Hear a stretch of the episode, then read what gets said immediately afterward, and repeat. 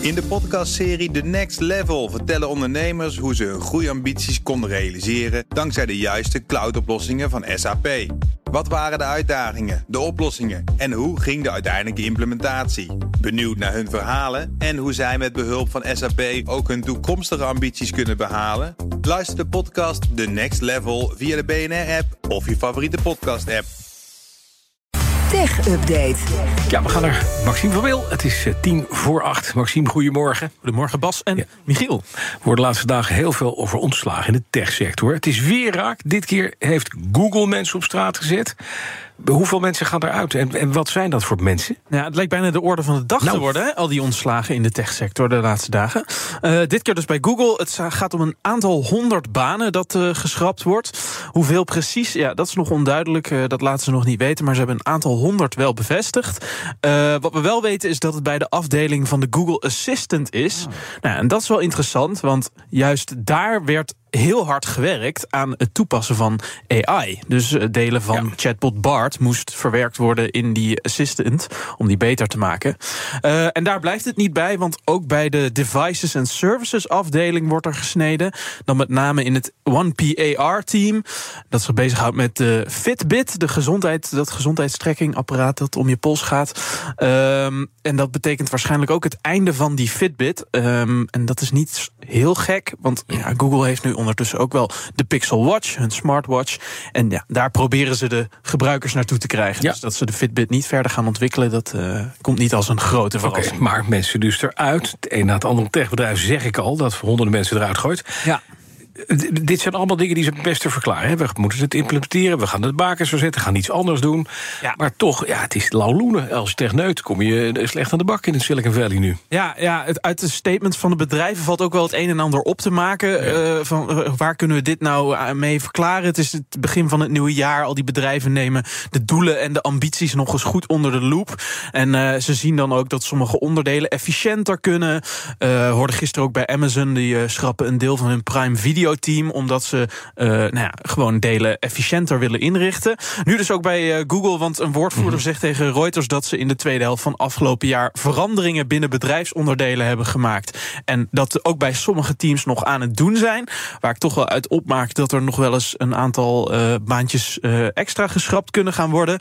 Overigens, het, het valt hier in proporties nog wel mee. Een aantal honderd banen op een totaal van ruim 180.000 banen bij Alphabet, het moederbedrijf. Maar toch in een afdeling waar juist keihard aan die implementatie van AI wordt gewerkt, vind ik het toch wel een Nou. eh, opvallend eh, nieuwtje binnen. Pijnlijk. Nog een opvallend nieuwtje. Apple, want de encryptie voor AirDrop... dat systeem waarbij je van de ene Ja. smartphone naar de andere smartphone... of naar een computer een bestand kunt overdragen... dat is gekraakt. Ja, in China.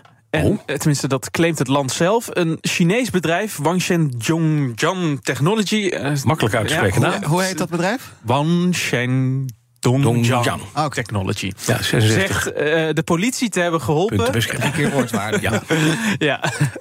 Ehm, die zegt de politie te hebben geholpen. Airdrop is eigenlijk anoniem. Hè. Eh, het bedrijf eh, zegt het tele maar het bedrijf zegt dat ze het telefoonnummer en de e-mailadressen van de afzender kunnen achterhalen nu.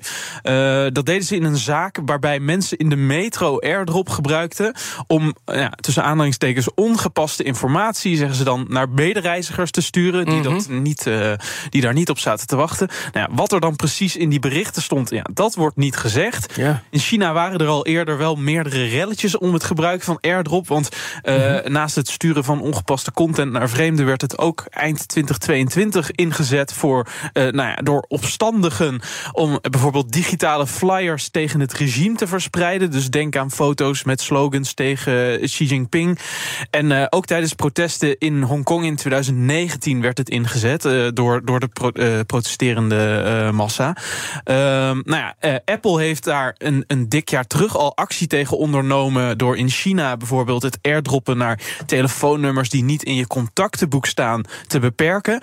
Maar nu heeft China dus zelf waarschijnlijk controle erover. en kunnen ze in ieder geval achterhalen wie de afzender was. Dus als je nog het idee had om te airdroppen naar iemand in China, dan niet zo achterwege laten. Dan moeten we het hebben over TikTok en LVMH. Dat is Louis Vuitton, mooi Hennessy. Precies. Want die twee zijn samen een plannetje aan het smeten. Wat, Ja. wat het TikTok en luxe spullen? Ja, Huh? ja, groot vraagteken boven Ja. je hoofd. Ehm, nou, ze willen eigenlijk een probleem aanpakken waar ze allebei mee zitten. Ja. Namelijk eh, nepproducten. Oh, ja. Bloomberg, want LVMH, ja, het is werelds grootste luxebedrijf, eh, heeft eh, voor bepaalde onderdelen een deal met ByteDance, het moederbedrijf van TikTok, om hun producten te verkopen via de TikTok Shop. Dat is die winkel waarbij gebruikers rechtstreeks vanuit TikTok gepromote producten kunnen aanschaffen. Momenteel is dat nog niet in de EU. Daar schatten ByteDance de markt nog niet helemaal klaar voor.